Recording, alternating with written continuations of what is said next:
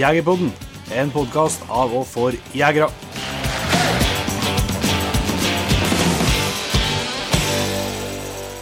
Hjertelig velkommen til en helt ny episode av Jegerpodden. Eh, I dag eh, er radio Vel Velfjorden.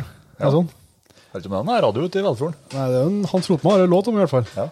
Så det har nok kanskje vært. Vi får høre med dagens gjest etter hvert. Vi skal prate med en Alvar Hansen, en eh, felles kompis av oss. Jeg tror en av kanskje de mest omtalte Jegerpodden, som ikke har vært gjest. ja. Det er jo en eh, dag jeg har venta på siden 2018, når vi startet Jegerpoden. At du endelig skulle få ha med en Alvar. Ikke for at det skal være noe press på han. så det, men vi skal, før vi slipper inn eh, han i studio her, så skal vi eh, som vanlig ha litt siden sist. og det er jo ikke spotter i det, selvsagt. sagt, Du har jo skutt i elg, og jeg har ikke skutt i elg, så alt er noe, alt er noe stabilt. Ja, det, går- det går i elg, i hvert fall. Ja, det gjør det. Men uh, du kan jo eh, starte og fortelle litt om uh, eh, siste veka her. Ja, på i lørdagen så jakta vi jo i lag. Da var vi jo en hel uh, bråta med folk som var ute. Yes. Jeg tror vi var vi elleve stykker med børs, og så var vi sikkert borti det dobbelte uten børs. Ja, det var mye, mye unge drivere. Ja, det var det. Det er artig. Men det funka, funka bra, det. Vi slapp tre hunder og, og hadde vel tre, tre også? Ja. Det er faktisk første gangen jeg har eh, på løshundjakt eh, gjort meg klar til å skjøte elg før det hunden begynte å skjelle. Det var litt pussig opplevelse, for jeg, jeg så jo med en gang jeg tok ut time av bilen at han var elg, så jeg skjønte at det var noe ganske nært eh, gården der, da. Så slapp de bare rett ut, og han stakk i vei. Og så hadde jo driverne gått opp ei li der, da. Liksom på sør, for, sør for oss, da. Og så kommer han går i noen skogdeig som går ut, akkurat ut mot den myra de gikk på. Og ute i spissen på den skogen så ble han stående i ro. Ja. Da skjønte jeg at han sto her såpass lenge, da skjønte han sto i lag med elgen der uten å skjelle. Men det var jo bare 100 meter fra driverne skulle gå opp, så jeg regna med at det, det skulle ikke gå spesielt bra. Men jeg skjønte jo at det kom til å måtte komme på meg, for det var, jeg sto jo i samme skogstripa. Så jeg hadde gjort meg klar og la fram børsa og spente opp og var klar til å skjøte elgen før jeg hørte først boffet. Men så kom det noen på radioen fra driverne som sa at de var på plass, og da sa jeg pang, bare så kom det monster av ei ku, da. Rett på meg, men jeg måtte bare få springe videre. Men hun fikk nå høre hjemturlos i borti 15 timer, så hun var var godt fornøyd når dagen var ferdig der, den. Så det ble noe stopp likevel. Det ble stopp. Og på andre del av terrenget så slapp uh, For jeg har sluppet en Brutus. Og det var en som bruker å være der òg. Det, blir stående ku, da. Eh, og så var det en, uh, en tredjemann, en Karl Henrik, som for og slapp sin hund. Og han jo fant elg og ble stående i los med en 14-spiring. Ja. Og vi har jo da, som bruker å være på slutten av jakta, kalv og ungdyr igjen på kvota. Yes. Eh, vet ikke jeg hvor mange da, jakter jeg har oppe i det terrenget der jeg i de siste to årene, med, men det er jo sikkert 20-25 eller noe. Og jeg har jo til gode å se nå med hånd. Ja. Karl var der første dagen, første han fikk til å være med på de to årene vi har hatt det. Ja. og pang, 14-spiring. Det, det er forskjell på, forskjell på folk og spenning. Men det var jævlig artig å få se en sånn. da. Og det er jo mye sport okser her, så det bør jo være noen flere, antagelig. Ja, vi det vi jo diskuterte om det rett og slett bare er hundene våre som eh, er veldig glad til å finne ku. Ja, Men det er merkelig at de ikke skal begynne der, da. For det er jo ikke sånn at vi Har vi, har vi ennå vært frist til å skutte ku? Ja, det så, vært- vil jeg ikke si vi er. Nei, rett og slett tam. Så, ja, men plutselig så må det være noe, noe annet. Men eh, det kan jeg trekke fram at det har vært noen flere loser, og Rex har gått eh, bra, hatt noe bra arbeid. Og, så det er jo absolutt framgang, men det kan jeg trekke fram et høydepunkt eh, for min del. Og så var det jo noe med Freya, som er den minste minsten i flokken. Hun eh, har jo Jeg fikk jo skutt i hjel en elg for henne i tidligere høst. Tenkte litt som at da var vi jo i gang, men det var jo liksom ikke noe Det har ikke vært noe mer framgang etter det. veien. Så har vært bare sur og gått i fotene på meg og et pinner og ser ikke ut som vært i skogen før noen gang. Men hun var veldig glad, da. Syns det er artig hva jeg løste, Altså. Det er jo det er noen start. Men eh, så har jeg vel eh, tatt opp litt siste rundene og dratt ut litt. Og i helga så vi slapp, det var Milla som slapp det. Da for jeg jo en, en par mil i løpet av den dagen, så da var jeg i hvert fall ute og sprang litt. Men det ble aldri noe uttak. Og så slapp han noe på tirsdag, nei, onsdag. Um, og da var det noe som jeg hadde brukt ordet først kvarteret, så tror jeg hun var kanskje på 15 meter på lengste. da. Rulla seg og åt pinner. Og, så dere er jo bra tålmodig, da, så det tar jo ikke på meg. det der da. Men så tok jo Dime ut bare en kilometer derfra. Så da tenkte jeg at jeg må bare koble der hunden, altså, for å begynne å se hva han hjelper med. Men eh, når jeg, for jeg var jo tenkt det, så kikka jeg på GPS-en, og var jo på tur ut utlandet. da. Ja. Så på 400 meter så begynte jeg å skjelle, og sto i uttaket. Og, så det var jo en eh, Det ble ikke så lang en los, da, hvis det var ku og kalv som kom eh, gående rett på meg. De sto i uttaket i et fem minutter kanskje, og så begynte de å rakle og gikk rett, rett i fanget på meg. Men eh, jeg så bare låret på kalven i starten, og så ble kua var meg og så meg og sto og kikka på, og på meg et par minutter, men da så jeg kun eh, bakbogen. Så det var ikke noe, var ikke noe god sjanse. da, så Kasta rundt, så hadde jeg jo en sjanse på den kalven, men da klarte jeg ikke å se hvor fred var, den, dessverre. Så da måtte den bare få eh, springe videre. Og det ble aldri noe gjentak etterpå. De sprang, i, de sprang nå ifra Ja. og hang på en borti fire kilometer. Men uansett så var det en kjempeopptur. ja. Det har vært det for henne, ja. Ja, så det var, det var skikkelig artig, altså. Så, Og det er jo sånn som det, altså, det er jo eh, det er jo bare flaksen at vi fortsatt kan drive og jakte elg eh, i områdene våre nå, for det, vi har jo barmark ennå, og så det er snø på Østlandet? snø på Østlandet og snø på Sørlandet. Ja, ja ikke minst. Så det, det er herlig å være elgjeger for tida. Jeg syns vi kan gjort en tradisjon, jeg. Ja. Det er jo bare vi skal fortsette med.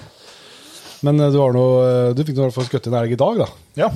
Det er jo um, litt derfor vi i Valfjord nå um, fikk anledning til å komme hit til Alvor og slippe, um, slippe en Brutus her. Og han har jo bare kalv og unge på kvota, han òg, ikke bare bare det. Men her var det jo Her ble jo jaggu los på en uh, fjordokse. Som vi, det var en veldig spennende situasjon. Vi var lenge inne på losen, både jeg og han. En, alltid mellom 50 til 80 meter unna, men uh, det er bråkete. Bråkete føre, med barfrost og sånn som det. Så det, um, ja, det ble noe støttløst til slutt, uh, men uh, den fjordoksen han gjorde bare en liten runde, runde rundt, og så kom den rett i, rett i fanget på, på oss. Så da, um, da trødde han ut i feil grind og fikk seg ei kul. Ei. Det var, føltes jævlig bra. Ja. jeg føler jeg, jeg har vært på ganske mye doser i det siste og sluppet ganske mye elg. Ja. Så det var godt å endelig kunne sette ei kul igjen òg. Ja, da er jo Trenger vi ikke å snakke noe mer om det, da. Jeg vet ikke. Nei, men det er jo uansett, som du sier, det er jo Jeg, jeg føler liksom at hver dag en er ute nå er jo en bonus. Ja. For at uh, senere årene så har det jo ikke vært jaktbart. Uh, du vet ikke at vi har noen områder der det, når snøen kommer, så, så kommer vi år én, og da må vi jo lett, lett områdene det være. For løshundjakt i hvert fall. Så uh, nå er jo følelsen som hver dag en, en uh, bonus, så da er det jo bare å, å nyte så lenge det går. Og det ser ut for, så skal det gå an å fortsette noen dager til med det, gitt. ja, det er fortsatt uh, høytrykk og østavær, så det, det ser bra ut. Det er bra. Vi eh, sitter jo i stua til, til dagens gjest, så vi kan jo ikke eh, drive noe lenger, tror jeg, før vi eh, tar den inn i studio. Nei. Så vi sier rett og slett eh, hjertelig velkommen til Alvar Hansen. Tusen takk. Dere ser i studio, men det er jo et kjøkkenbord. Jeg har sittet her hele tida. Nå, Det, det her er radio handler om, Radio Velfjorden. Det handler om å male bilder til dem som hører på. Alvar. Skjønner, skjønner. Dere er dreven. Hvordan er det, Jon Inge var inne på at han har jo Det er jo ikke første gangen vi har spurt om eh, du har lyst til å være med på en episode. Hvordan er det når du endelig måtte eh, bruke dine egne ord, bite i gresset? Ja, nei, jeg skjønner jo at jeg måtte hjem til slutt. Det er jo et parforhold, så jeg er jo vant til det. Det- Det blir jo bra etterpå. Det blir godt etterpå, ja. Ja. Det blir en stund til neste gang. Det var altså 40 sekunder, og det kom første stikket. Så det, det er noen som ikke kjenner deg, Alvar, eh, du må forklare litt til våre lyttere hvem, hvem du er for noen. Ja, jeg kan gjøre et forsøk. Ja, gjør det. Eh, Alvar Hansen, eh, 85-modell. Minner om en sånn profil jeg laga på Mirk en gang i tida. Eh, Jeg bor i Velfjorden, som er en liten bygd i Brønnøy kommune, ganske langt sør i Nordland. Eh, Jeg er skogsarbeider av yrke, og jeg er jeger av hobby. Ja. Jeg tror du jakter, har jakta en pakke mer enn snittet òg, Selv om det er hobby, men eh, du er ganske mye ute. Ja, jeg var nå da før, i hvert fall. Nå driver jeg og bygger hus. Nå er jeg mest inn, egentlig. Det er kanskje derfor at du endelig ble med, for, at, for å få litt smaken på jakta. Så i hvert fall få prate litt om det. Ja, jeg har egentlig tenkt på en Jon Inge til å skru Ikea-pakka, så nå må jeg prøve å gi noe tilbake. Så skal Valfjorden, da, det er jo gjerne en plass folk kjører forbi når de skal fra E6-en til Brønnøysund, eller? Ja, det er jo da. Eller Vega. Det er jo en del jegere som drar til Vega òg. Ja, den her fylkesvei 76 går jo gjennom bygda her. Så det er jo ganske tynt befolka. Jeg, jeg, jeg vokste opp i Vossbygd, det som er en sånn sidevei av sideveien. Ja. Der var det nå ikke så mye annet å gjøre enn å bruke naturen, egentlig. Så da, da ble det noe sånn. Ja. Altså, du har jakta helt fra barndommen. I- Ja, det vil jeg si. Og mormor har jo fuglebrett. Eh, Vi begynte, vi begynte vel kanskje der, så smått. Så har vi får lenger og lenger unna husene etter hvert. Hva, hva var favoritten på fuglebrettet? Nei, eh, favoritt og favoritt. eh, Puls? jeg, jeg minnes det første kjøttmeise. Beste, bestefar min var jo litt sånn jaktinteressert, så han, han, han høgde i, ja. Så var sånn fin bue på. Tørska den i garasjen et års tid, og så laga han en sånn pilbørs åt den. En enkel armbøst med et sånn panelingsbord til løp. Der passa jo spikeren veldig godt oppi. Det var noe sånn skaut på trærne rundt omkring husene, og så ble jo fristelsen for stor en dag til å sette seg på fuglebrettet. Og der kom jo ei kjøttmeis og satte seg på 30 cm der. Og jeg trakk da. Et lite ettersøk der òg, tror jeg. Jeg fikk altså sånn angermann etterpå. Jeg, jeg måtte fortelle at bestemor mi da, da, da tror jeg kanskje jeg ble siste kjøttmeise på en stund. Ja. Nei, Det var ikke noe god følelse. Det var, For det var, det var ordentlig, ordentlig heldig her. For eh, når vi kom til jakta her, Alvor, så kom jeg hjem til huset litt før deg, og da satt jo mora di her. ja, det var du heldig.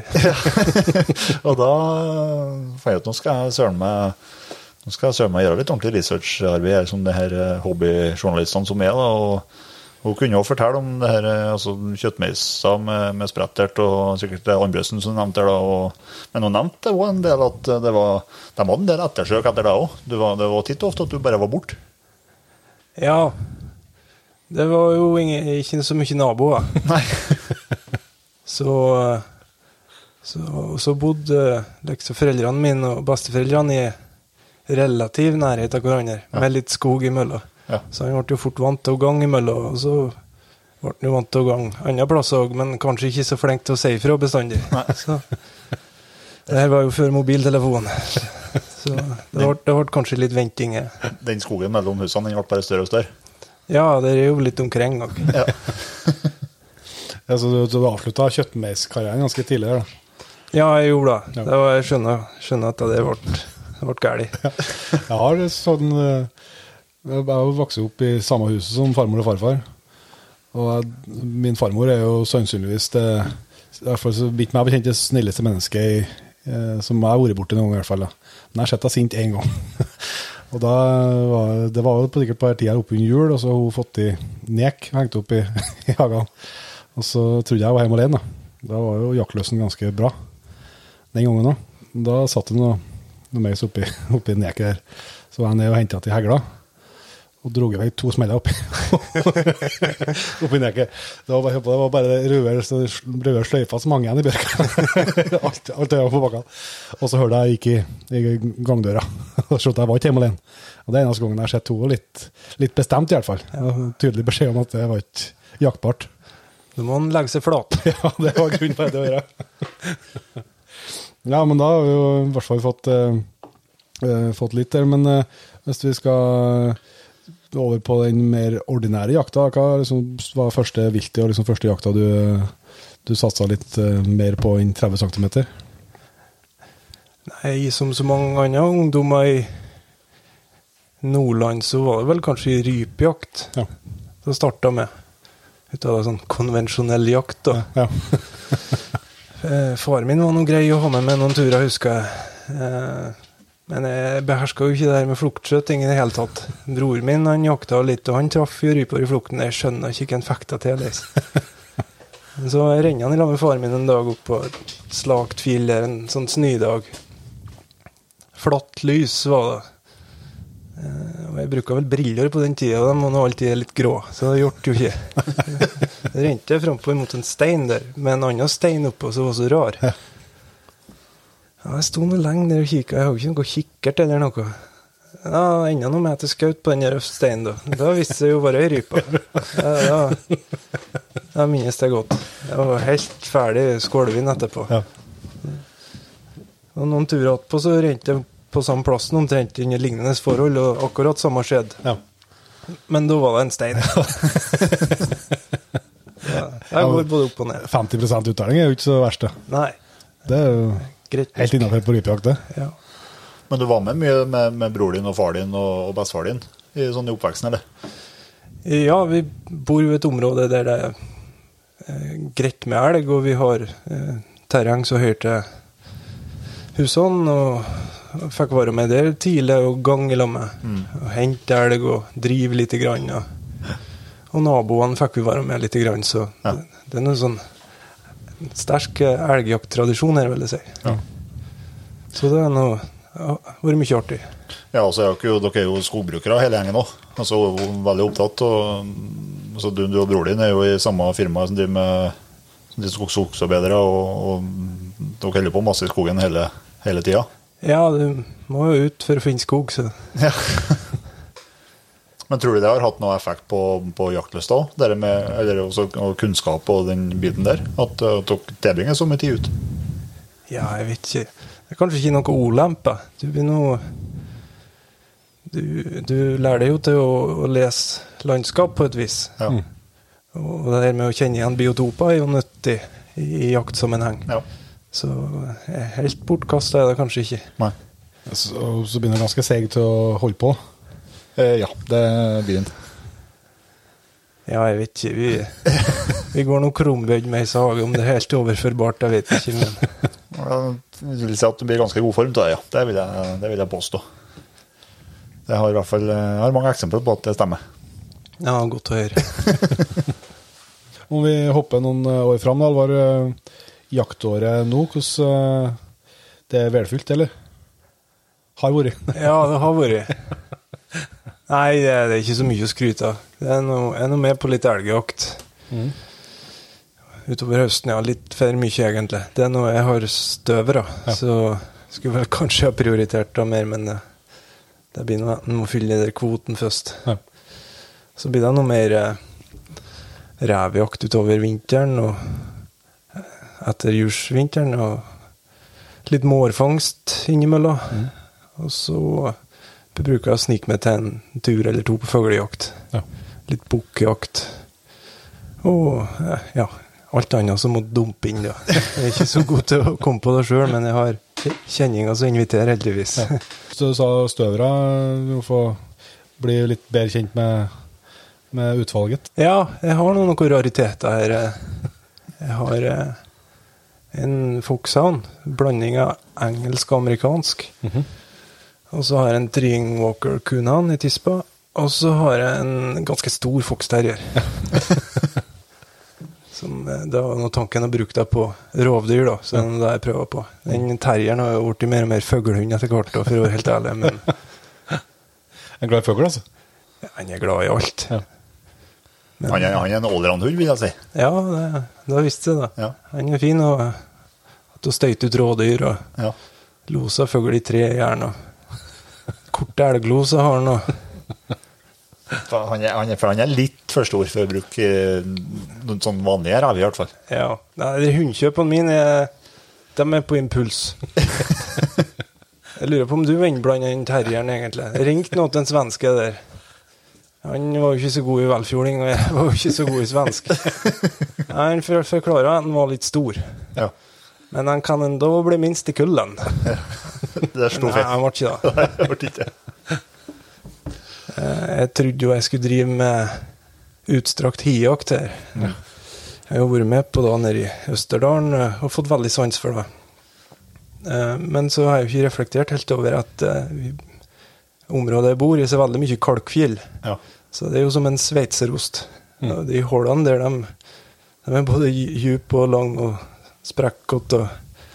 det, det er ikke ideelt. Nei, det er ikke veldig mye så fine sånn sandi og jordi her. Nei, jeg vet egentlig ikke av noen. Nei.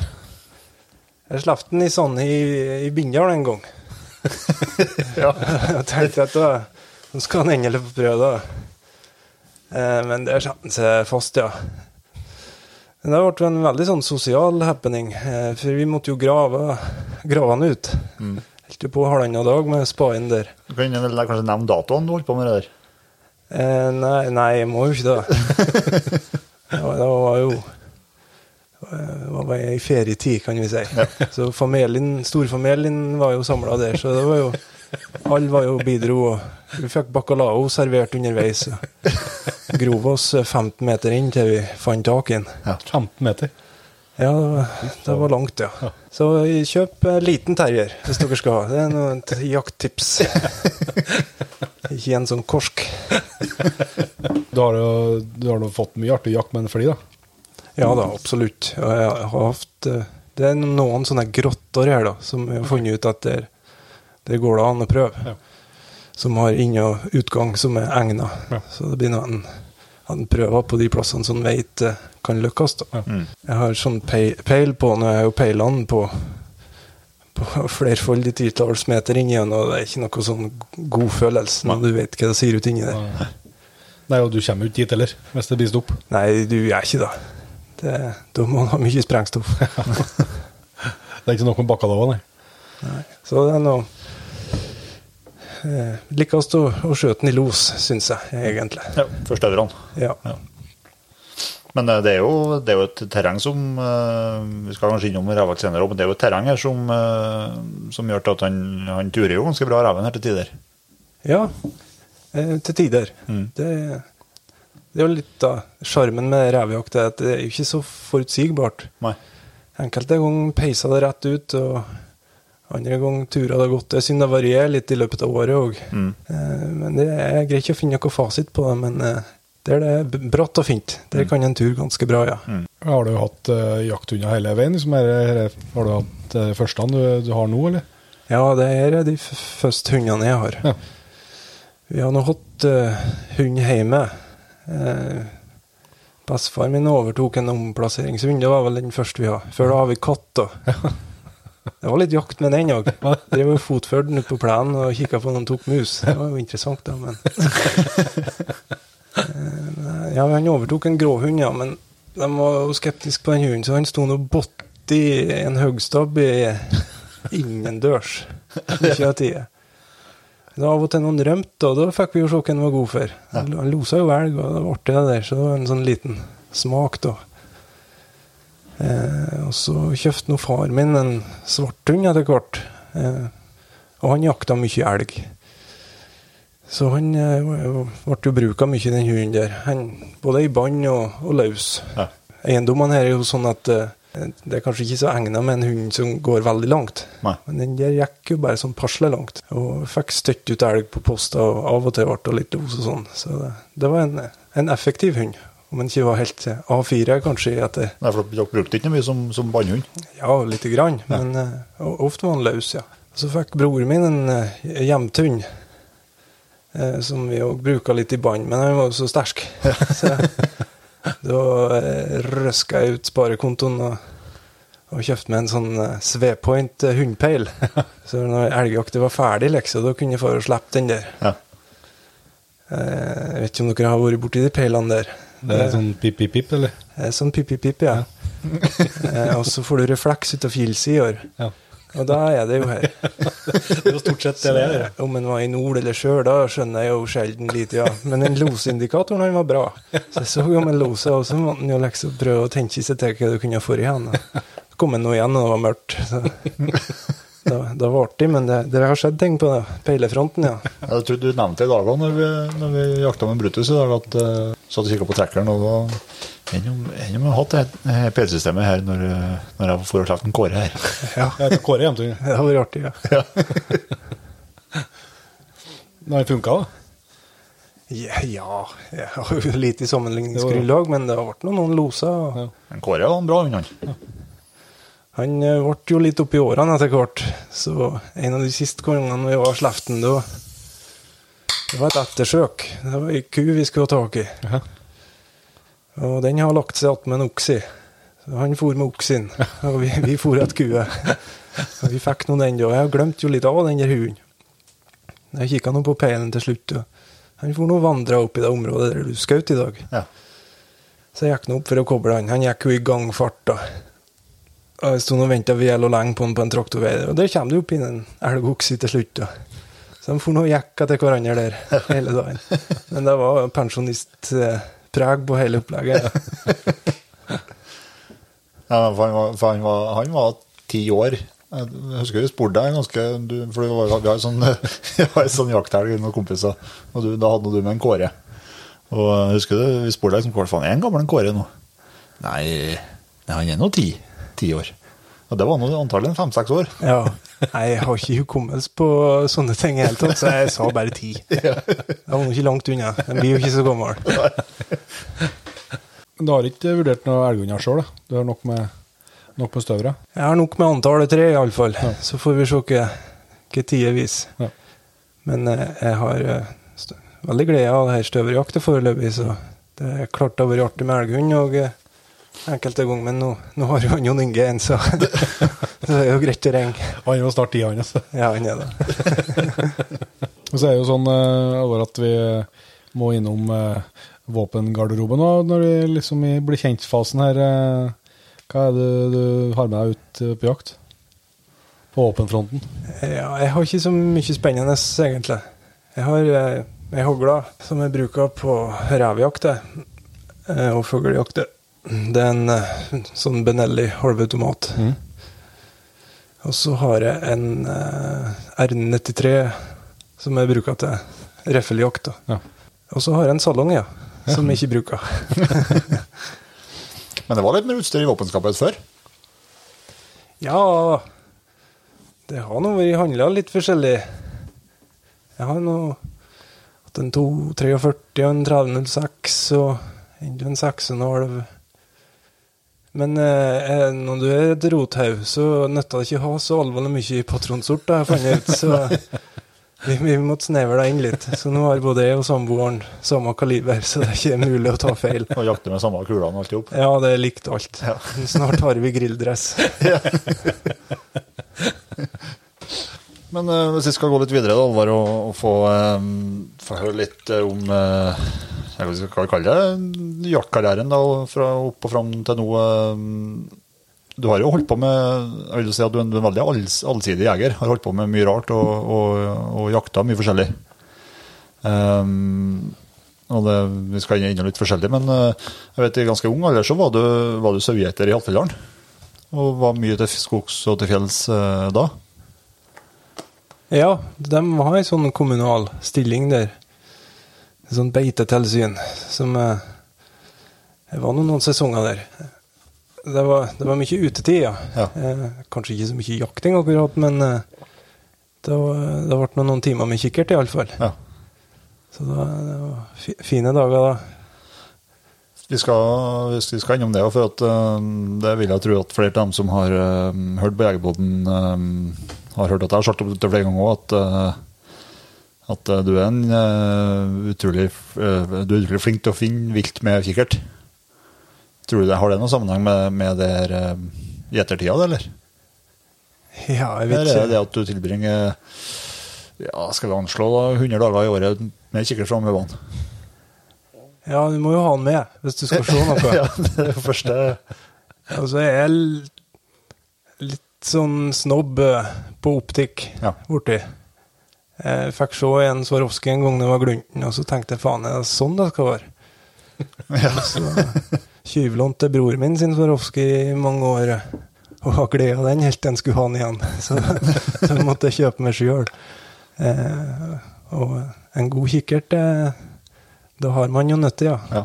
Det er jo ganske åpne områder her, så det er jo, det er jo forhold for det. Ja. Men det er jo, det er jo fortsatt ikke altså Dere har radioen på det snakka mye om òg, så dere, dere med å bli En ting å ha en kikkert, og om du har en bra eller dårlig kikkert, men det er en annen ting å kunne bruke den. Ja, jeg ser jo aldri noe Jeg, nå har jeg hatt med kikkerten hele høsten, jeg har ikke- kikka så mye. Det er kanskje det ikke jeg har sett nå.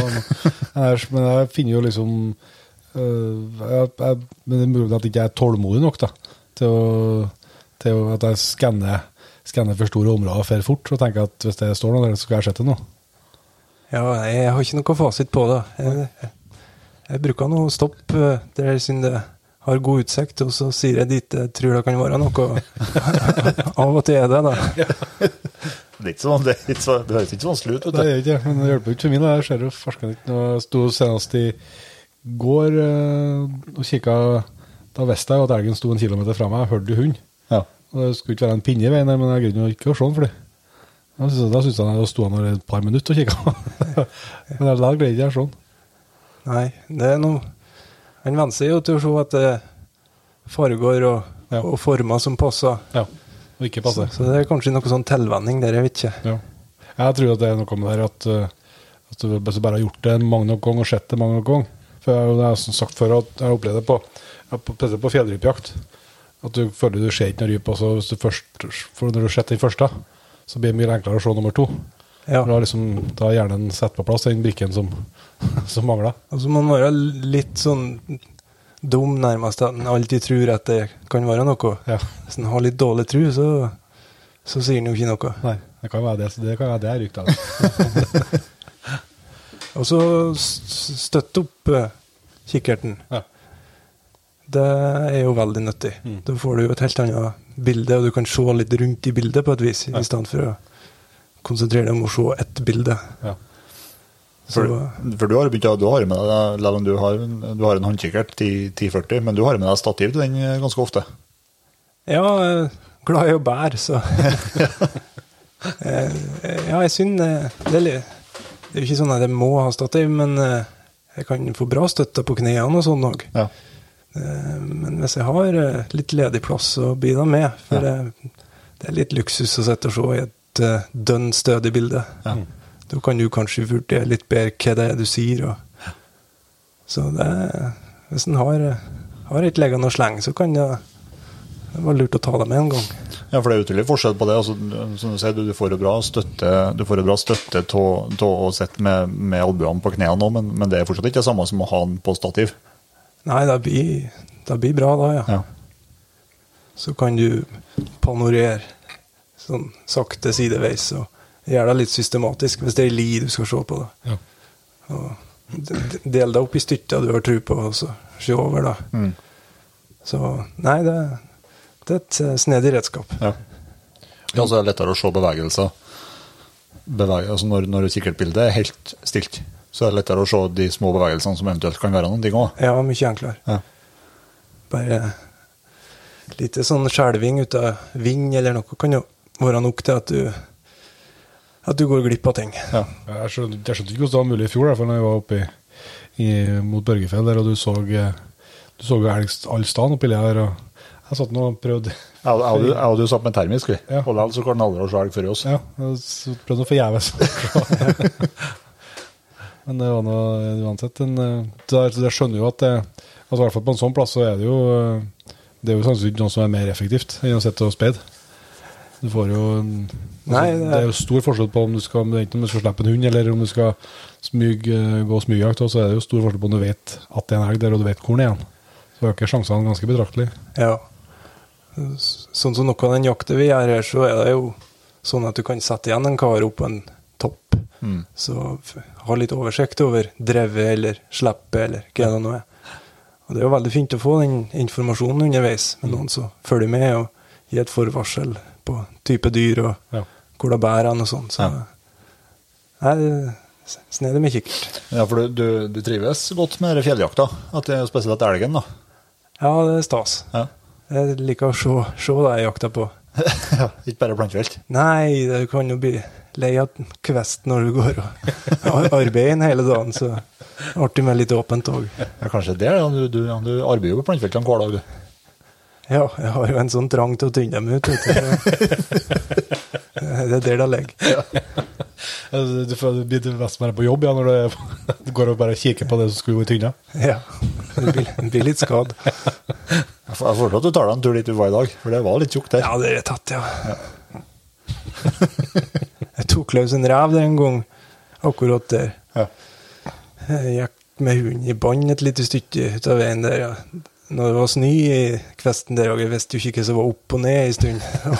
det var bare tett. Reven sprang rundt føttene på meg, jeg så ingenting. Men den fjell, fjelljakta til elgen, altså der, eh, du har jo flere terrenger rundt her som du jakter på, så har det vært en del på, på plateeiendommene som ligger eh, ja, vest, vest for, eh, nordvest for Namsskogan og ut mot Osenfjorden. og det, det er jo noe, virkelig noen områder der som er godt egnet for den type jakt. da. Ja, absolutt. Det er mye fine, fine fjelldaler. Og det er gode muligheter for dem som, som liker den type jakt. Det er jo litt strevsom frakt ofte. Det er jo Ja, baksida av medaljen. Ja. Men én elg du må bære, og den kan være vart da, Ja. hvis du har en skikkelig god opplevelse i forkant. Når, du- når du nevner det, altså, du, du har jo et eh, godt minne hengende eh, oppi Du har jo gjemt, vekk det geværet ganske brukbart, da. Uh, Men, Ja, jeg ble lei av skall i det. men, uh, for det, det var sånn fjelljakt. Ja, vi kan jo kalle det det. Det er et område litt sør om oss her som er imot uh, Tosenfjorden. Mm. Og der går det nå rett ifra Lie mot sjøen og opp i Snaufjell. Det er jo ikke rar avstand egentlig, men det blir ganske åpent fort der. Ja. Så det var der vi var og henta den, ja. Ja. Den var òg tung å bære, men uh, det var en fin dag. ja. Var, det, var det på smygingen, eller? Vi var nå et, uh, et lite jaktlag, så det var nå et forsøk på, på drivjakt. Ja. Da har, nå, har vi nå en mann som satt og fulgte med i kikkert, og, og fulgte med på de dyrene som var der. og så var nå jeg driver, da, så jeg for nå og sprang eh, med tunga ut av kjeften for å prøve å avskjære de der eh, elgene der. Ja. Til slutt så, så kom han nå litt fornert, da. Ja.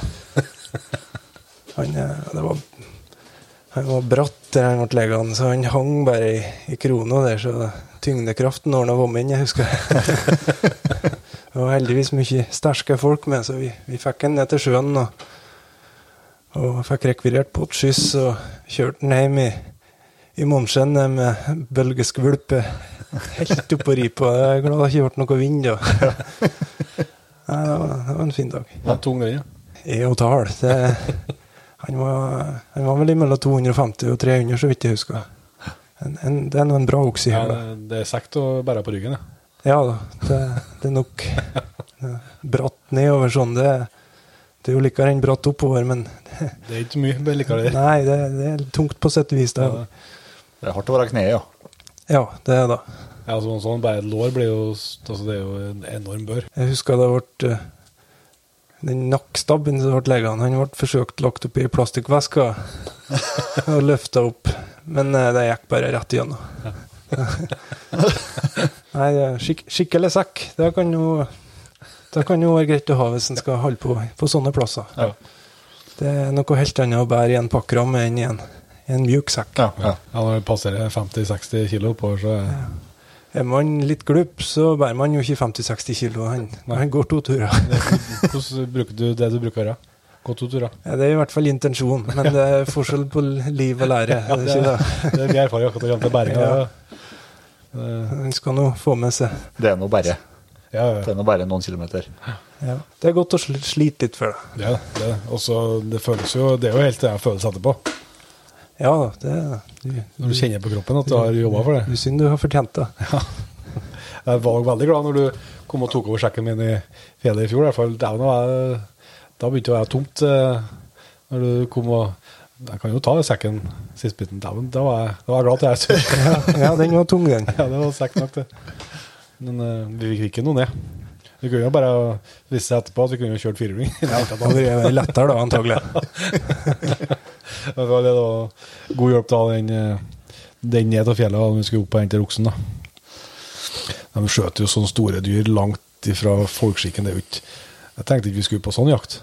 Jeg tenkte en kalv var greit, da. Ja, nei, jeg vet ikke hva som skal skje. Nei. Det var Jon Inge, da. Tenkte liksom, en, det, er skjøt noe kalven etterpå, og er ferdig med dagen. Det er jo ikke noe, noe, noe kjempegreier.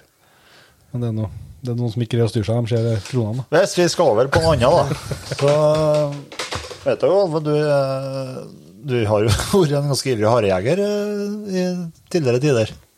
Kanskje ikke sånn ordinær hage- harejeger med, med stolsekk og støver?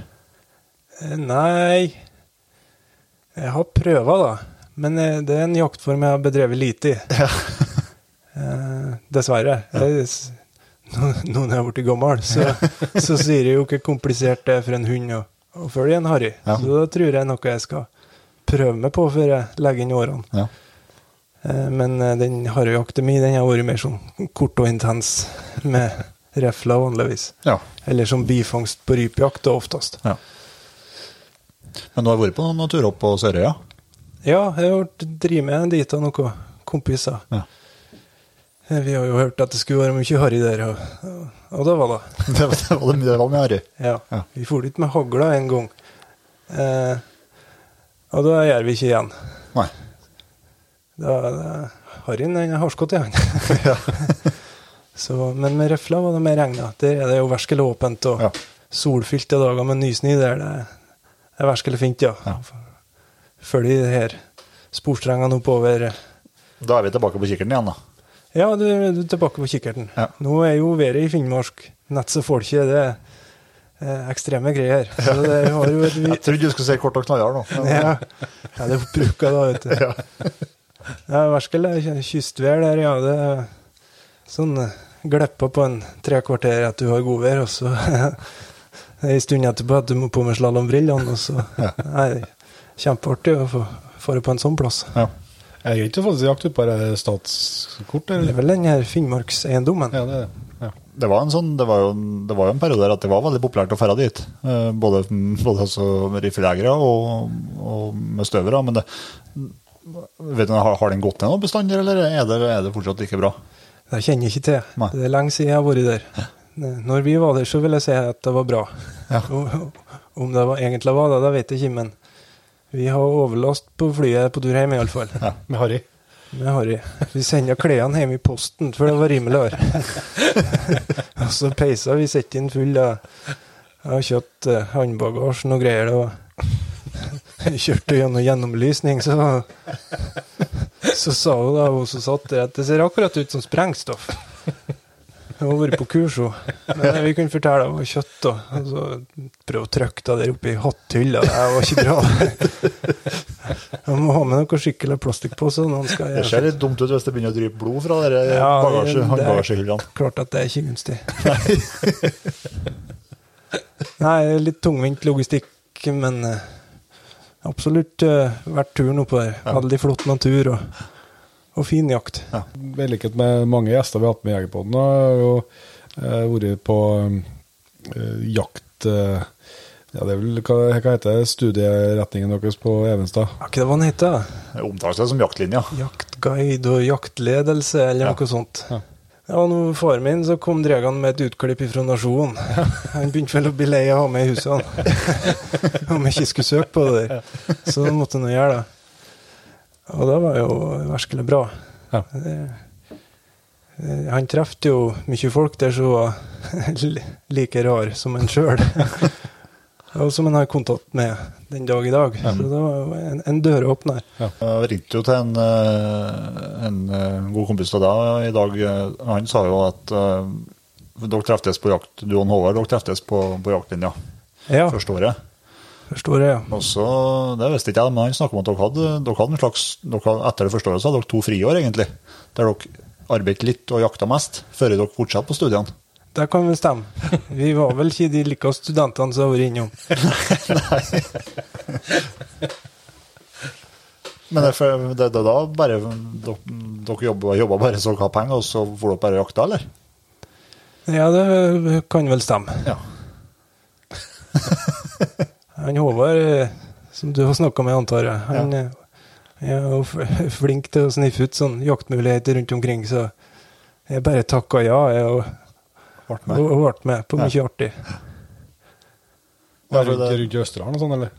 Ja, han er trønder, han, så det var nå litt i Trøndelag, og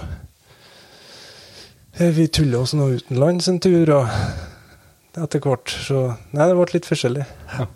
Men så, da fortsatte på studiene, men var, det mange år du, du holdt til i Østerdalen? da? Ja, det begynte jo med ett. Og så tok jeg et til da etter hvert. Mm. jeg ble jo litt sånn stallstien av skolebenken. Så jeg tenkte kanskje ikke jeg skulle være så langvarig der. Men så Så ringte han over en dag om Det var på sommeren. Om jeg ikke skulle være med til Afrika. Jeg drev og oska ut av ommen, tror jeg, så jeg sa nå bare ja. Og der var det med ei, ei jente fra nabokommunen som jeg ikke har truffet før. Og hun tenkte at hun skulle studere i Oslo en stund, og det ble jo veldig langt å kjøre. Så det, det ble noe at det tok noen år til der i Østerdalen og tok en sånn bachelorgrad. Da. Helt til hun har gjort seg ferdig I Oslo. i Oslo, ja. Og så, og så flytta dere hjem. Da i skogen igjen. Hva er På jakt i Afrika, eller? Nei, det var en sånn såkalt studietur. Eh, Så da Vi var nå i Tanzania og kikka oss rundt på forskjellige prosjekter der. Og Ja. kikka på de her områdene du ser på TV-en, Serengeti og Ja. Ngorogoro-krateret. Så Det nærmeste kom jakt der, da var vel kanskje at vi var litt plaga med hyener i teltcampen en plass hun var. Ja. De var så frekke inni åpningen på teltet og starte ting. Ja.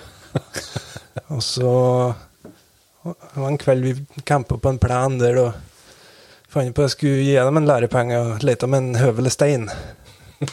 og så ly- lyst ut av teltåpningen, når vi hørte noe som rasla utom det, var det et øye. Peisa av gårde den steinen, og så kom dere hjem med litt bedre høyløkt og lyst. Det var jo to flodhester som drev og gressa rett attmed. De har jo kommet til å slette ut hele området hvis de har blitt sur. Men de var heldigvis veldig snille. Du tenkte ikke noe over klaskeb når du traff det, eller? Det var feil lyd, ja. Det var ikke typisk gjenerlyd. Nei, det var, jeg har ikke hørt den, men Nei, det var, det var jo noe helt annet her. Natur. Ja, de, de er store, ja, det er korrekt. Nei, så det, det var kanskje ikke det slugeste jeg har gjort.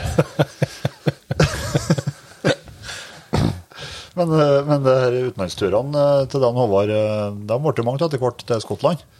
Ja, vi har jo noen kamerater som har vært av gårde før oss. På et sånn gods, da, eller hva jeg skal kalle det. Og vært sånn løskarer og, og hjørtested med eh, det som måtte gjøres der. Jakt, blant annet. Det er jo store bestander av hjort og rådyr som skulle helles i sjakk. Det var noe sånn prosjekt med skogreisning der. Eh, Det er jo ikke så enkelt når du har, har mye hjort, så et alle plantene. Så det var noen som soner når det skulle være dyr. Ja, der de har planta furu. Ja, og så skulle det helst komme opp litt sjøl òg. Ja. Så vi Jeg husker ikke helt foranledningen, men det ble altså, vi bestilte flybillett dit midt i et studieår, tror jeg. Og så bestilte vi vel egentlig ikke billett hjem igjen. Så hvor godt planlagt det der var det, vet jeg ikke. Men eh, vi ble nå der i god stund. Et par Ja. måneder, tror jeg. Ja. Og det var mye jakt på hjort og rådyr det, det gikk på i det daglige. da. Mm. Og litt, litt, annet forefallende arbeid. Lyngbrenning og Ja. litt forskjellig sånn. Så jeg hørte det der gamekeeper-yrket der, da. Ja. Ja, så dere var på en måte assistenter til, til gamekeeperen, da. Ja, vi var, vi, vi var nå der for kost og losji og Ja. for opplevelsen. Eh, men da, det var artig, da. altså. Det har blitt mye turer etterpå. Vi ble jo kjent med folkene der. og Ja. De har jo vært her og jakta elg. Og, Mm. eh, det, er jo, det er jo folk som virkelig har mye jakterfaring. Ja, ja, ja. Det er jo ikke mange i Norge som har felt så mye dyr som det, liksom det gamekeeperne. Det blir noen enorme mengder i løpet av et, bare et år, liksom. Ja, det blir jo da. Og så er de vanvittig gode til å skjøte. Ja, nei, det er klart når du skjøter på et dyr, eller fem hver dag, så blir du jo flink etter hvert. Ja, ja. Så nei, da Ja, både, både til, til å beregne avstand og vind, og de er ja, Jeg var, var jo heldig og fikk være med bortover en gang. og det, må si, det var jo forskjell på um, Hva skal jeg si? Det vistes når det var dem som skjøt, og jeg som skjøt, i hvert fall. Ja. De er, de er, jo, de er jo greie, men eh, eh, helst så skal han jo skjøte de dyrene det er litt fint. Ja. For det skal jo leveres til oppkjøper. Mm. Så, men de, de sier jo imellom fingrene på det om en, om en nordmann kommer og roter det litt til. Men eh, en måned der får du jo kanskje flere situasjoner enn du ville ha fått på flerfoldige år hjemme. Ja. Så det, det var nyttig læring, syns jeg, for Ja. å greie å vurdere skuddsituasjoner. Ja. Så eh, han, han lærte seg sjøl litt å kjenne der. Ja. ja, og så samtidig altså det, er det, jo, det er jo en jaktform som er, er veldig lik den vi driver med i fjellet her. Altså reinsjakt og, og den her ja, fjelljakta etter elg og, og hjort, det, det er jo det er jo lite å- for hjorten å gjemme seg bak. Og lite for jegeren å gjemme seg bak òg. Ja, i, i øvre områdene der så tror jeg det kan være ganske sammenlignbart med reinsjakt. Ja. Kanskje litt, litt mindre trekk i noe sånt, men uh, du må legge en plan med ansmygning og kalkulere med, med vind, og at du ikke skal stykke andre dyr eh, på vei dit for å få de rette dyrene. Og, Ja. ja, det, det, det sier enkelt ut, men det er ikke bare å gjøre det. Nei, det er ikke det. De er, de er var, ja. Og så er jo gjerne store flokker òg. Ja, det kan være det. Det var òg en del skogsjakt inni sånne plantefelt. Ja. Så vi, vi praktiserte jo litt sånn drivjakt òg. Ja. Bare to og tre mann. Og det, det lykkes, det òg. Ja. Det er ikke noe hundegreier der på hjorten. Nei, det Mye. Språkforståelsen min er jo så som så, men jeg lurer på om det var noen restriksjoner på hundbruk. Okay, ja. Så eh, det var ikke vanlig å se det, nei. Nei. Vi har med hunder til å, til å lete opp dyr som var felt, som har forsvunnet nedi sånn halvmeter høy røsling og sånn. Ja. Men vi, vi bruker ikke sånn drivende hunder, sånt, men det har, det har kommet til å fungere, ja. Ja. Det tror jeg nok. Ja, det måtte jo vært noe bevegelse i der, da. Ja, det absolutt. Det er et uh, stikkord nå er jo som jeg har gledet meg sånn på å høre uh, mer om. eh, så jeg, Nå greier jeg ikke å holde meg lenger etter at det står uh, 'andjakt i Glomma'. Med, så ringer noen bjeller til deg, da? Ja, det er ikke noen sånn stor bjelle, men for det, videre så står det 'Vadra med høl' i. Det er jo ikke jeg som har skrevet det, så derfor er jeg så nysgjerrig på foranledningen. Hvis jeg skal prøve å foreslå noe, så husker jeg jo at vi jakta ender i sånne områder i Glomma der det var mye øyer og kanaler. Ja. Og de kanalene var jo litt vann oppi. og så var det mye skog på kantene. Så vi måtte nesten gang uti. Ja. Eh, Så det ble vel eh, lånt et par vadere som ble fulle av vann, da. Så da enda det vel med at vi gikk i bare i bokseren på slutten. eller, eller vanlig jaktbukse, jeg husker ikke helt. Det var en artig jakt. Men får dere, får dere gikk i elva, og så Støkk dem opp, støkk dem opp? forpostert litt. Ja. De fulgte jo jernkanalene når de ble tatt opp òg, så Ja. det var noen sånne kjappe skudd i enden der av og til. ja. Var det, var det stokkender som eh, holdt til der, da? Ja, i all hovedsak. Ja. Det var et betydelig antrekk der jeg har inntrykk av på høsten, sånn rundt elgjakttida. Ja. Da, da var vi ikke og prøva så mye, men det er litt mer andefugler der enn enn jeg er vant med hjemmefra. Ja. Og så En av de andre grunnene til at, eh, til at jeg er blitt glad i bukkjakta, det er jo litt uh, de fortjeneste. Det her eh, det er jo ikke noe som jeg, som jeg har vokst opp med, med sjøl, men, eh, men jeg har jo fått mye historier fra deg om, om bukkjakta, spesielt da på Vega. Og så har jeg nå fått vært med deg litt oppå her. og Hva, hva er det som gjør, gjør at du setter sånn pris på den jakta der? Jeg starta jo ganske seint med den jakta sjøl. Ja. Det var noen karer som var litt oppi årene, som var så snille at de inviterte meg dit en gang. Ja. Så jeg fikk prøve, da. Eh, og det var jo såpass fin jakt da, at det ble jo sånn for litt flere turer. Ja.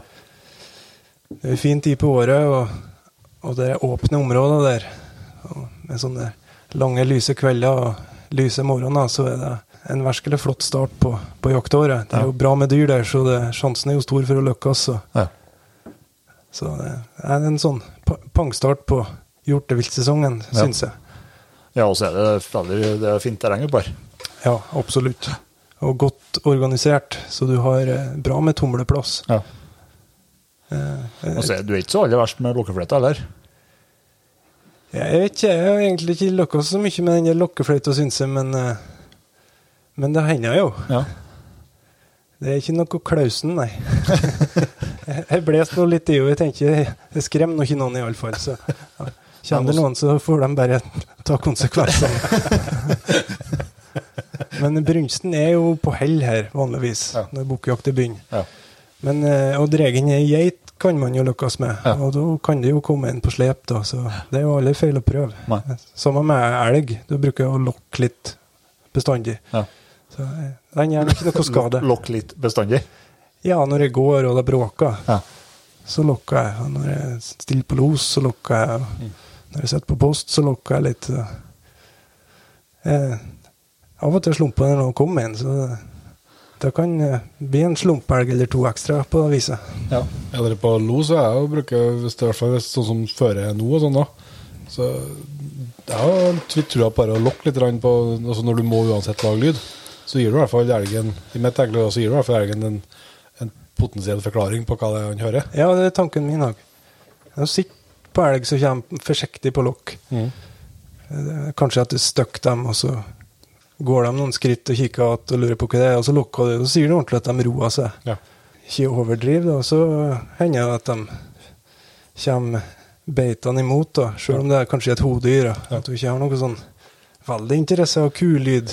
Det, nei, det er artig å se oppførselen når de, når de kommer på sine egne premisser. Ja. Du kan nappe litt blåbærlyng og sånn når de kommer skikkelig nært. Tanken min er at det skal imitere beiting. Ja, ja. Om det er da de tenker det er noe det er elgen som kan svare på, men nei, det er noe artig å eksperimentere litt. Ja, jeg, tror i hvert fall ikke sånn sånn det er, altså, at at det er ikke noe galt med det, i hvert fall. Jeg tror ikke Nei. Ikke så, men det var, du får, du får jo som sagt aldri noe svar på det, men det føles sånn i hvert fall. Nei, jeg tror, jeg tror det skal gå til å skremme dem på det viset. Jeg husker det var en situasjon oppe i, når vi jakta opp i Sanderdalen en gang. og var Da lokka du inn en fjordokse som kom veldig nært. Du sto bakom et, eh, bakom et rotbelt der, og jeg tror til og med du vant å finne ut at, at vi kom dit med, med, med jarnhesten før du skjøt. Ja, jeg måtte jo signere på en sånn kontrakt der før vi gikk ut og jakta. Ja. Den var jo dum nok til å lese. Så der sto det noe Det tror jeg det var eneste en som gjorde. Ja. Jeg har god tid der på morgenen. Så der sto det at du var ansvarlig for å sørge for frakt da, hvis du skjøt noe. Ja. Så den der uh, piggeren der, han Jeg vet ikke hva han har spist den morgenen, men han var jo helt uh, ordredd. Han kom jo nærmere og nærmere. Jeg sto attmed rotvelt, da. Så jeg la telefonen opp på, dårlig dekning og fikk nå til slutt lasta opp noe kart der så viste en gammel traktorvei, så gikk høvelet nært. Og da var han jo nesten borti børspipa da, før jeg fant ut det. Så det var, det var en enkel sak å skjøte den. Og vi, vi klønte oss opp med en kombitrekk etterpå. Det, det gikk bra. Nesten som på, nesten var tilbake på fuglebrettet. Ja, var, når du sier det, så var det litt likt. Jeg fikk ikke riktig så dårlig samvittighet denne gangen. Men det var ikke en lokking eh, Drev ikke og lokka inn noe elg i høst, da? På, når dere var oppe den siste elgen der òg, mener jeg det var snakk om at du lokka tilbake en som forsvant, vet du? Jo, stemmer. Den blir jo Jo, det stemmer, det var litt lokking der, ja. Ja. Nei, det kan være tunga på vektskål av og til, tror jeg. Når Ja. får dem de siste meterne. Ja. Så Og så er du jo veldig glad til å skjøte fjordokser og kviger, da. Ja, det er, det er kremen, ja. Ja. det, er, det er jo da vi skal ha vanligvis, så. Ja, det er det. Det, det er langt mellom dem. Ja, ja, det er det. Men de finnes. Ja. Men sånn som jeg rundt her eh, Du sa det, det var lange tradisjoner for, for elgjakta. Eh, så, så, her òg, som det er som jeg har inntrykk av at det er alle andre plasser òg, så, så virker det jo som det er elgstammen er litt eh, på tur ned. Her og, og stort sett alle, andre plasser vi snakker med jegere om òg. Og som mindre antall dyr, uh, går ned.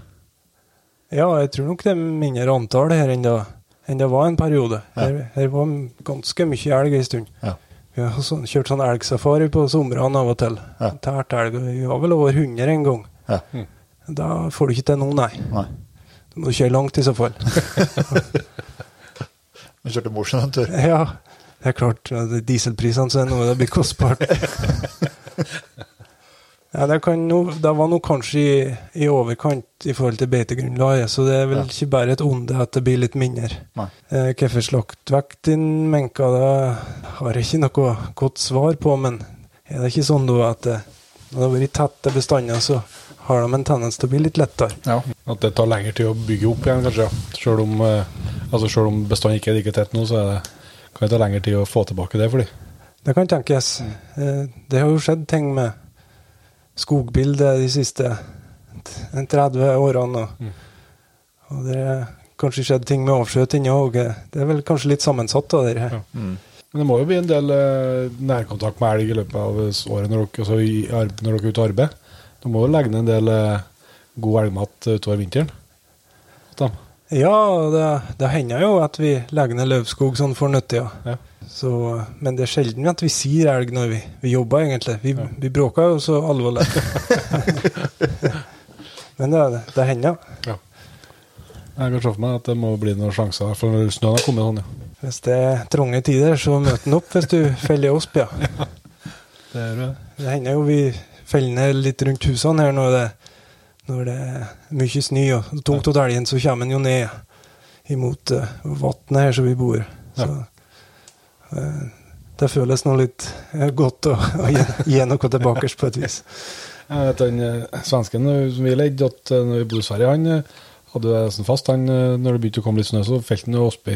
Både liksom for å avlede litt, men det var noe for å ha et utgangspunkt å slippe hund ifra. Ja, det er grei åte. Det, ser ut det, funker, det må jo funke bra, det. Det gjorde vel dere når dere var i Sverige? Ja, ja, ja. Jeg var oppe og kikka på den hver dag, jeg. Så aldri noe. Så kom til slutt faren til en, eh, Karsten og skulle opp en dag. Da sto det fire elger her. Ja. Jeg bruker det litt på bever òg. Ja. Sånn, Hvis den har beita seg sånn halvveis ute av et område, så hogg ei pasle osp så du greier å dra med det, og skava av litt porsk så lukta kommer. Ja. Det er ikke så lang tid før den er der og gjetter, så da kan en styre den inn på en fin plass. Åtejakt på bever. Ja. Da. Ja. Uh, Vi skal da innom en liten uh, Det er ikke liten heller, eh, for jeg vet at dette er det er noe som du har holdt på med lenge, Alvar, og, og brenner for, det her med, det med mårfangst. Eh, og så er jeg jo også heldig at jeg har, er med på ei trekkergruppe så jeg ser jo hvor mange feller du har ute. Det satses litt på målen. Ja Jeg har, har vel på det beste hatt ute litt over 20 feller. Ja. Og det er vel ikke noe norgesrekord, akkurat. Eh, jeg liker jo å slite litt for mårfangsten òg, så jeg setter jo ikke igjen med vei vanligvis. Nei, det, Litt av poenget er å få seg turer på ei årstid der det er mørkt og trasig, så ja. for å, tvinge seg sjøl ut litt. Grann. Eh, Men eh, det en og annen morgen får jeg jo av og til. Er rundt her du holder på da, eller? Ja. Ja. Hvis du da altså, du velger å, å ikke sette dem så veinært, har du fellene ofte på plasser der, der, altså, der faren og bestefaren din og sånn, at feller, har du funnet en del nye plasser og sånn sjøl? Jeg tror ikke de har så mye feller. Nei. Så nei, broren min eh, kjøpte noen mårfeller. Ja. Eh, og jeg fikk det der no, Fangstmannen heter bladet. Ja, stemmer. Så det var jo Sivert, ja. lektyre når jeg var glunten. ja, han, han fikk ikke så mye mål til å begynne med. Eh, så vi ga nå litt opp da der. Ja. Så begynte jeg å jeg kjøpte inn noen feller når jeg gikk på Evenstad, og begynte å sette ut litt der. Ja. Fikk vel sikkert noen tips fra folk der og hva jeg skulle gjøre. Fikk nå litt mål der. og Ja.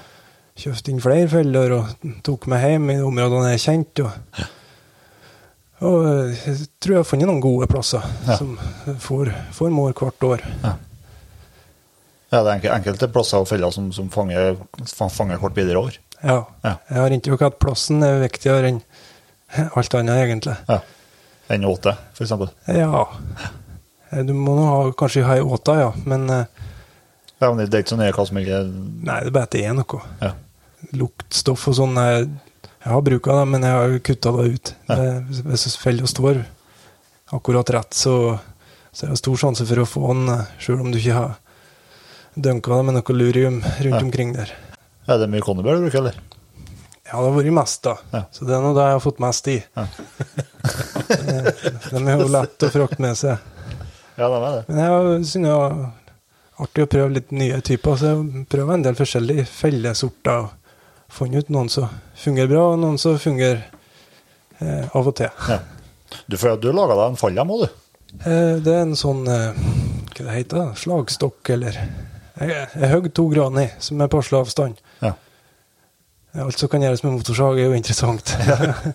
altså, Ja, for, det, for det, det, det er ikke fort gjort å lage en fallstokk til, til mår. Jeg tok ikke så forbaska lang tid. Nei. Nå er du over snitt til bra motorsag òg. Ja, det må sies.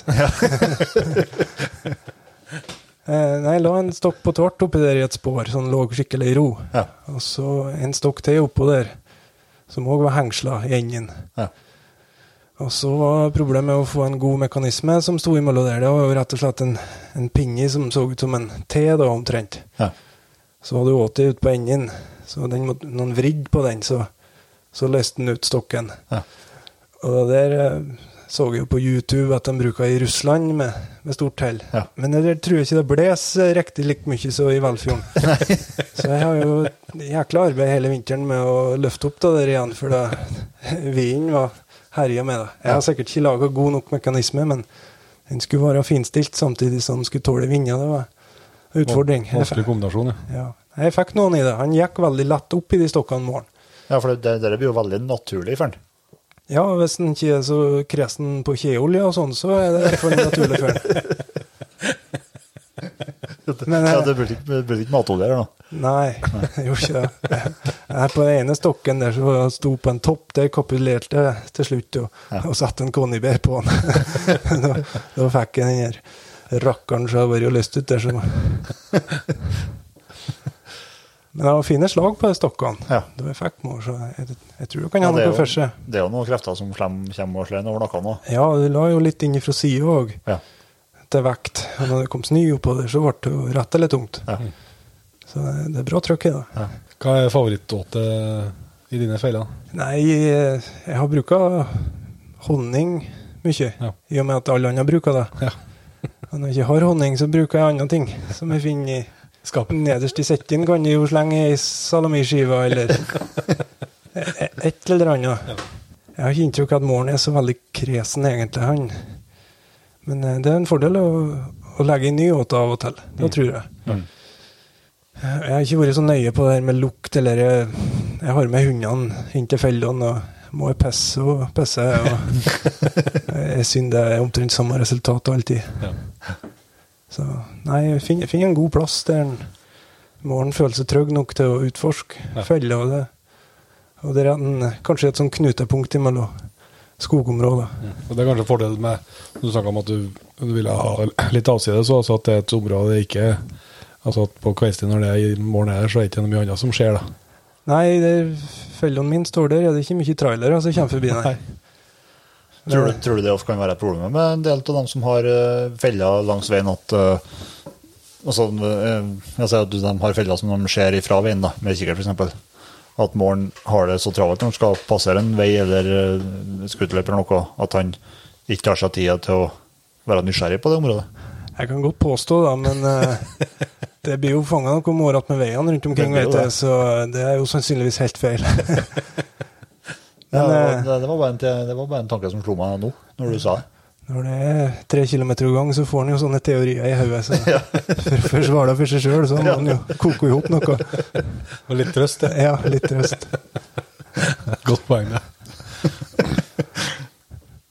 Nei, det, det er fine turer, de morturene. Sånn måneskjenskveld da, med godt skiføre i, og kanskje går seg på et ferskt revspor og får trimma støvelen litt. Grann, og Ja.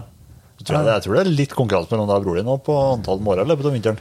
Ja, eh, mye av bedriften har mårfeller. Så vi er jo det er veldig sånn flat struktur der, og vi er jo ingen som konkurrerer med hverandre, men det er nå litt godt å, å legge framfor med én. Det, det er bedre å ligge framme med en bakom med en. Ja, det er det. Ja, filma er det du og bror din. Og Nei, vi er, vi er flere, ja. Ja. Vi er dårlige på tall, men eh, det er noe, ganske mange naboer her er involvert på et eller annet vis. Det er noe sånn linjerødding vi driver med mye. Sommerstid og, og mye av vinteren òg, egentlig. Sånn så, hvis vinteren er fin. Ja. Så vi er vel en eh, fire, fem, seks stykker ofte. Det er med noen bønder, de fleste andre i tillegg, så de eh, skal jo gjøre andre ting òg. Ja. Du føler at du laga Eller hva heter Ja. det? heter? Sånn uh, Ja, det- som du bygger deg helt sjøl? Ja, det ble laga noe sånn tunnelfeller en stund. Ja. Til rev. Eh, Det var da vi begynte å skjønne hvor skeptisk en rev egentlig er. Ja. Eh, Så det, det har jeg ikke hatt noe suksess med da. Nei.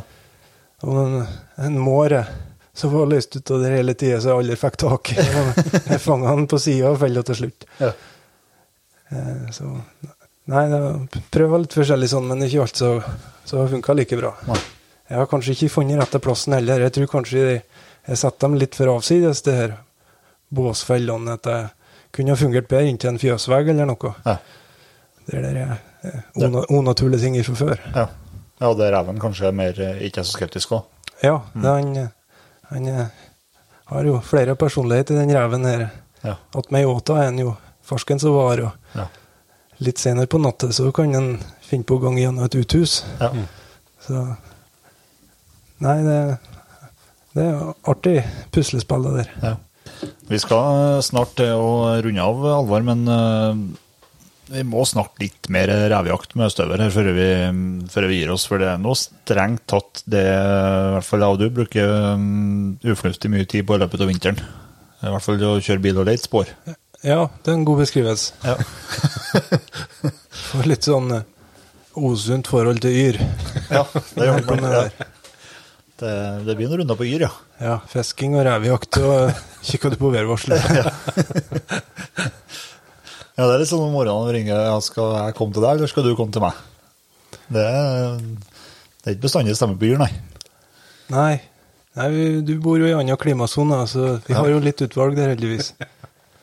Det er ikke mange dager i løpet av en sesong som er sånn perfekt. Nei, det er ikke det. Er det ikke. Så han må, han må nøtte de dagene dette er, da. Ja. Hva er perfekt, da? Ja, da er det litt spårsnø. Og så slutter han å snø sånn passelig tid på morgenen. Rett før reven legger seg på dagleia. Og så uh, kanskje brøytebilsjåføren Sånn da. har vært på et 50-årslag dagen før. Altså, hva du, du, du har kontroll på 50-årslagene i nærheten? Nei, jeg har ikke, men jeg, jeg har fått ødelagt mye turer av brøyting. Det, det, det, skulle de ha roa ned litt. Grann. Driver og eik og brøt fylkesveien hele tida. Ja. Nei, det, det er noe absolutt likest, men så, så mange dager er det jo ikke. Så jeg bruker nå mye åta som utgangspunkt, og kanskje i kombinasjon med et viltkamera, for å få til noen situasjoner. Da. For det står i åtebu på det, på der ene, det, det mest brukte åtet. Ja, stemmer da. Den er ikke utslett i. Jeg vil si hunden prøver å rive henne en gang. Det var slumpa til å være en grevling der. Vi har jo ikke sett så mye av den verken jeg eller hunden, så når vi fikk summa så har han kommet seg under den åtebuet der og, og gjort skanse der, da. Så hunden begynte å rive skråbåndene på åtebuet. For det holdt jo på å bli en kostbar affære, det der. Nei, det hender jeg sitter på båter. Det jo, kan jo være absolutt fine kvelder det òg, men, eh, men eh, å slippe hund er nå kanskje enda artigere. Ja. I hvert fall noen har hund. Prøvde du å hjelpe dem å finne, finne utspor, eller bare slippe dem på åte så de får ordne sjøl? Eh, ja, det spørs hvor god tid jeg har. Ja. Eh, den eh, første hunden, ja, den foksen, der, eh, der slapp jeg mye på barmarsk. Og da slapp jeg et stykke før åten og Ja. gikk innpå. Så han ble etter hvert ganske god til å, til å rede ut og finne rett utspor sjøl. Ja. Eh, og så er nå Tida blitt litt knappere etter hvert, så den andre hunden der har jeg vel kanskje vært litt for hjelpsom egentlig med å, å rede ut sporene i lag med henne. Jeg, vet jo sånn cirka hvor den reven legger og Ja. Vi, går, vi går dit. Ja. Men eh, det, det beste er jo hvis de kan gjøre det sjøl. Mm. Eh, jeg bor jo i et område der det er mye tamreindrift og bra med rådyr og Mm. Litt forskjellig sånn. Og for, for å ikke komme på noe smell, så prøver jeg å gjøre det så sikkert som mulig med at det, det blir rævlos og ikke noe annet tull. Ja. Men de er, de er jo ganske ulike, de staurene du har. Altså det, den Foxen han er jo han er langfota og tung og trong i losøringa. Det er en korrekt beskrivelse. Yep. Tung hund, da, da vet jeg ikke om det var så lurt. Nei. Eh, I terrenget her, i hvert fall. Det har vært mye skader på han. Ja. Eh, Men det, Ja, sånn akutte skader, litt som i slitasje. Ja, det nå- blir nå fort eh, kutt og forskjellig på føttene. Mm. Det går nå opp i steinhulene. Ja. Eh, Det kan være en fordel òg, på enkelte føreforhold. Ja, for han er, når, han, når han virkelig lang- han, han er jo, han er jo veldig, altså veldig langbeint og ekstremt rask når han bare vil.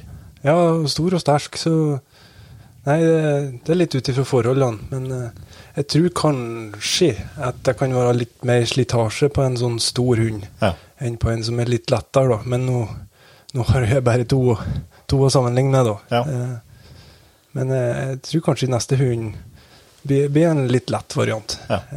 Jeg innbiller meg at det kan være spare meg for noen sykemeldinger. Ja. Men nå er du ganske heldig at du bor, at du har funnet en samboer som er veterinær, da. Ja, da Det er gunstig for kontoen. De får godt stell. Ja. Så det er ikke noe ulempe. Men for den, den andre støvelen, den trivåkeren, den er, hun er jo en del hun er mindre og jager, jager litt tregere og er atskillig løsere i losføringa. Ja, hun begynner gjerne å gjøy før vi har dratt hjemmefra. Så hun vil si er løs, ja. Den er bra, artig hund å jakte med i dag. Eh, hun er, hun eh, følger sporet på et litt annet sett, har jeg inntrykk av. Ja. Hun, er, hun er mer nøye med sporet, mens han slipper seg gjerne på lesida av sporet. Og spring, spring på været. og springer på været hvis det er mulig. Eh, og da kan det være veldig tidsbesparende mange ganger. Ja. Han er òg flink til å finne vei rundt hindringer. Ja. Spesielt et flåg vi jakta med der. Der er han ganske snar med å gjøre en sving ut eh, halvannen kilometer til venstre for å komme seg rundt. Ja.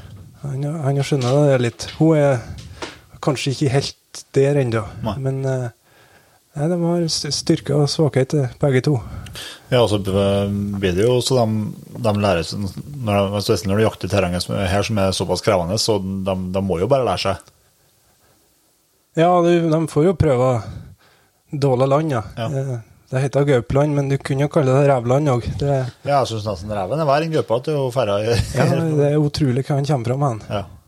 Jeg har en los og gikk ned utafor en gang. og Jeg sto bare og kikka på peileren at eh, nå fer faktisk hunden utom stupet her. Og det, det er en 70-80 meter utom, sikkert. Ja. Så da var det nå bare å begynne å se seg om etter kull, tenkte jeg. Men eh, han kom nå opp igjen.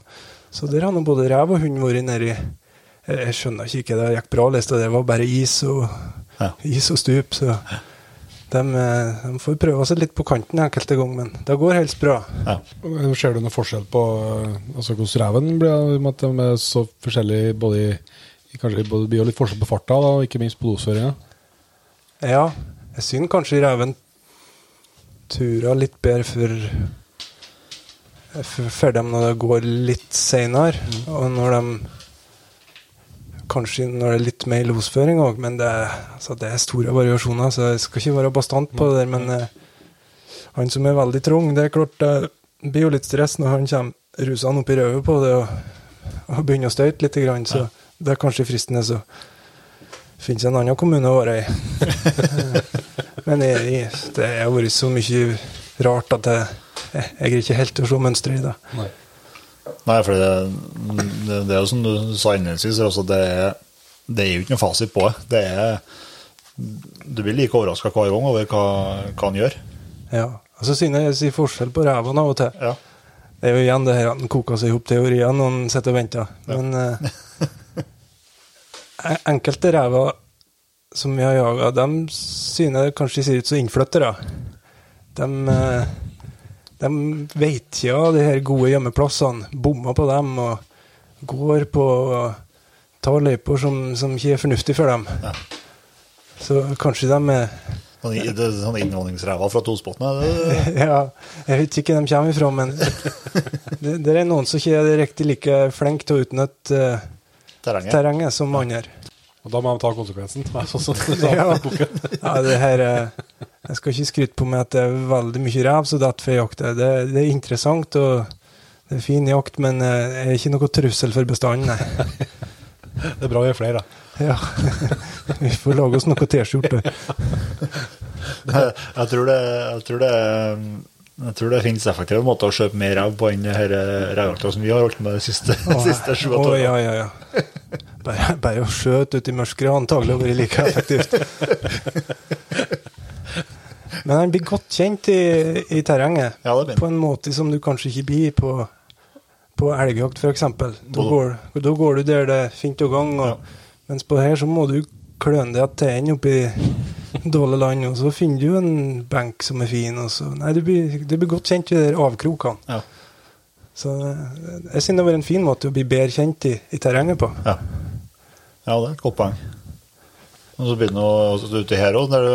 For det, du har jo fortalt historier der, der eh, både du og terrieren og eh, der du støver nå, er inn i, inn i hiet eller grotta i lag med reven òg. Ja, det er jo, sånn er jo det grottene. Ja. Enkelte plasser kan du jo sikkert røgge inn en bil. Ja. Men det, det er ikke så stort i åpningen, men det blir veldig stort når du kommer inni, Ja, der er alt mulig, som hun sa. som hun sa. Men eh, det, det har vært noen turer inn i, under bakkene, ja, for å prø- prøve å finne ut av det. Og det er jo ofte sånn etasjer òg, Ja. så jeg prøver å En plass jeg slapp meg ned, det var sånn gjettegryta nærmest rett ned. Ja. Og så skulle jeg prøve å snuble meg inn gjennom mørket der, og da kom det en rev forbi hodet på meg. Rett på sida. Det var ei sånn hylle der. Og han har jo tenkt seg derifra. Og terrieren han drev og streva ned i første etasjen ned der, så du får jo sympati for han, det er jo ikke enkelt. Nei, det er artig. Ja, han er utrolig eh, Det, det visste ikke jeg før jeg, før jeg begynte å, å jakte. Han er helt utrolig hva han tar seg fram. Ja, det skal også ingenting til. Han er smidig og, og liten og, Og spenstig. og spenstig. Så det, det skal være ganske dårlig for han ikke kommer fram, ja. Ja. Det her grottejakt det er ikke noe jeg kan anbefale, egentlig. Finn på noe annet. Ja, det, det liker å holde på over, over om bakkene, Ja, det, det er lyst der, ja. blant annet. Nei, men det er bra. Jeg vet ikke, Petter, skal vi til å begynne å gå inn for landing? Du skal nå kjøre i kveld, du. Ja, vi gjør det, vet du. Men uh, vi har ikke travelt, så vi må jo innom uh, i hvert fall det her uh, våre vante punkter før vi slipper en uh, Alvar eh, ut, av, ut av stua si, nær sagt. ja. Det er kaldt i dag, men det er det. Men det er jo oppholdsvær, da. Ja, Slapp ja, det er fint. slapp noe stress for ja, ja. Nei, det er litt av det ennå. Ja. Det er de bedre stelt sørafor, sier jeg. Ja, det er. Men uh, hvis vi skal ta det her uh, faste runden vår, eh, Alvar, jeg vet du innimellom sluppet å høre på Jegerpodden, du òg, så du, du, du har hørt spørsmåla før. eh, hvis du starter med Du har kommet med gode tips både om grottejakt og, og det forskjellige her, men hvis du skal trekke fram eh, ditt beste jakttips, da?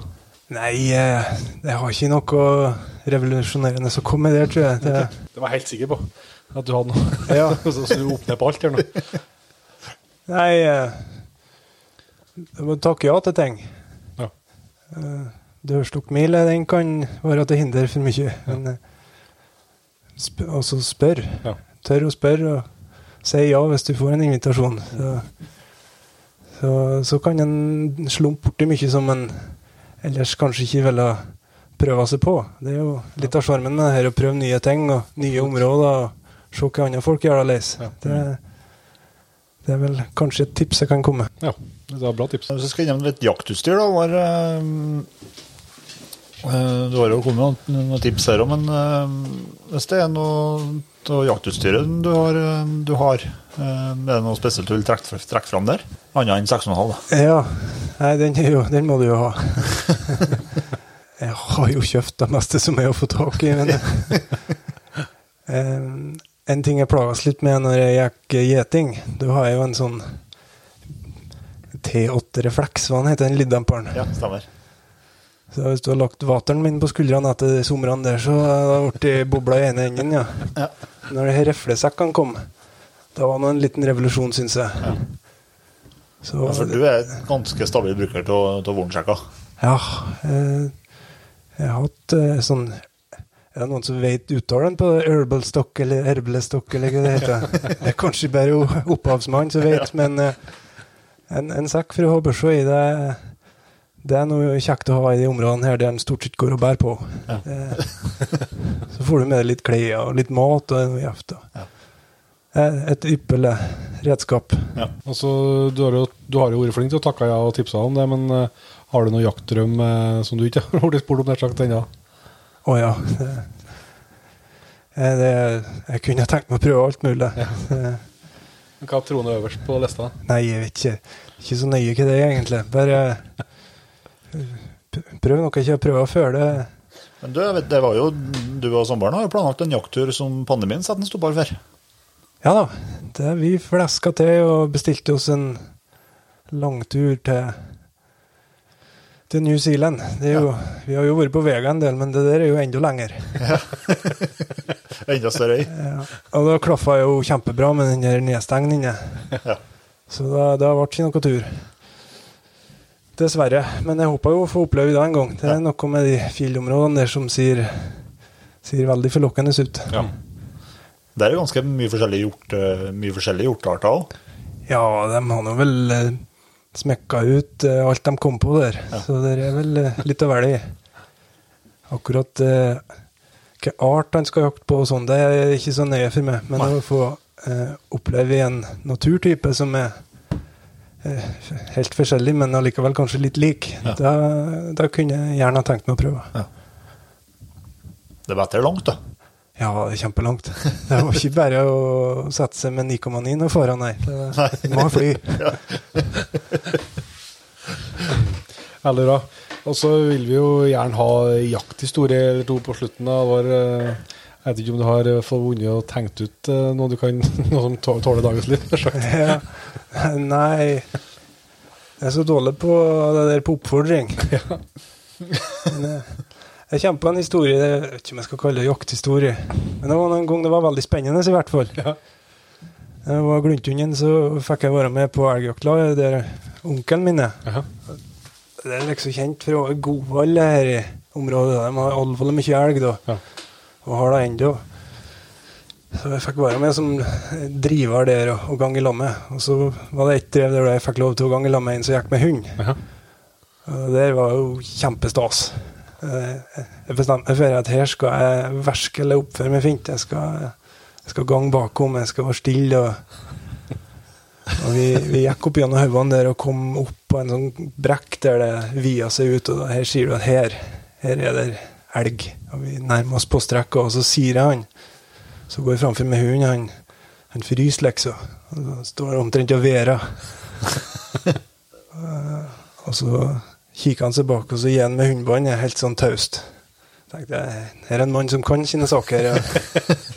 Jeg greide ikke å dy meg for å spørre, da. Jeg har fått beskjed om ikke snakke, da, men det kvisker han. Er det elg? Og så kvisker han tilbake. Jeg må skite. Så det var litt sånn antiklimaks, da. Men jeg minnes den spenningen før. Den var veldig intens. Men ble det der slett, eller? Ja, jeg lurer på om det datt en, ja. Jeg lurer på faktisk om det var skittlukt eller oss. Det, det vet jeg ikke. Ja, det er veldig bra. Vi må si tusen takk Kalle, for at du eh, endelig lot deg overtale til en prat. Det har vi i hvert fall storkosa oss eh, med. Og så får dere uh, eh, jakt i morgen, dere to. Anna. Skal vel eh, prøve å trimme noe ræv, eller? Hva Nei, dere? vi skal skru Ja, IKEA-pakka. frykt- frykter det ikke IKEA-kjøkken i morgen. Nå, nå skal elgen betales. Veldig bra. Takk for praten. Takk skal du ha. Men uh, før vi før vi, jeg tar turen bort fra Valfjorden, så må vi jo få lov til å passe på å takke nye patrients. Ja, det skal vi gjøre. Så vi starter på toppen av lista og sier tusen hjertelig takk til Kasper eh, Øvstedal, Hans Erik Lybekk, Sondre Fades, eh, Jon M. Bevolden, Sebastian eh, Sergistad, Hans Ivar Hortmann, Joakim Skogheim, Ole Petter Flobakk, Anders Sæter, Herman Skromme, Henrik Prestby Andersen, Joakim Skogheim, Bjørn Tore Rønningen, Bjørn Tore Furuli. Unni Rønningen. og Ingvild Nesteby. Tusen hjertelig takk til alle dere, og selvsagt til alle som allerede er med i Patriot-laget. Det kom jo en ny episode der eh, i forrige uke, så det kom jo litt nye inn. Det er veldig bra. Det gjorde det. Du, fredagen som denne episoden her kommer nå, det er ikke en hvilken som helst fredag. Black Friday, vet du. Det, og vi har jo rett og slett vårt, Det er jo ikke sånn at eh, vi er jo ikke helt eh, på høgde med dem som kan drive butikk, det må vi bare innse. Det er helt rett. Og, så vi har ikke, salg det har vi ikke vært borti før. Men nå er salg i Jegerpoden nettbutikk, så ta gjerne en eh, titt der og se om du kan gjøre noe, gjøre noe kupp og hjelpe oss å få ned et altfor stort varelager. Det har vært helt topp. Ja, for vi var det varetelling i månedsskiftet. Ja, Det er så. ja, Mm. ja. ja. Så det, det har satt både vi og regnskapsbordet pris på.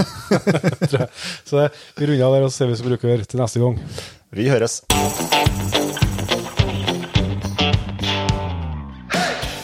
Tusen hjertelig takk for at du valgte å bruke litt av tida di på Jegerpodden. Sjekk ut jegerpodden.no eller eh, din favoritt favorittpodkastspiller for enda mer innhold og flere episoder. Følg også Jegerpodden på Facebook og Instagram, og ikke minst, husk å fortelle alle gode venner, familie og tilfeldige forbipasserende om Jegerpodden, sånn at vi får spredd det glade budskap videre. Vi høres.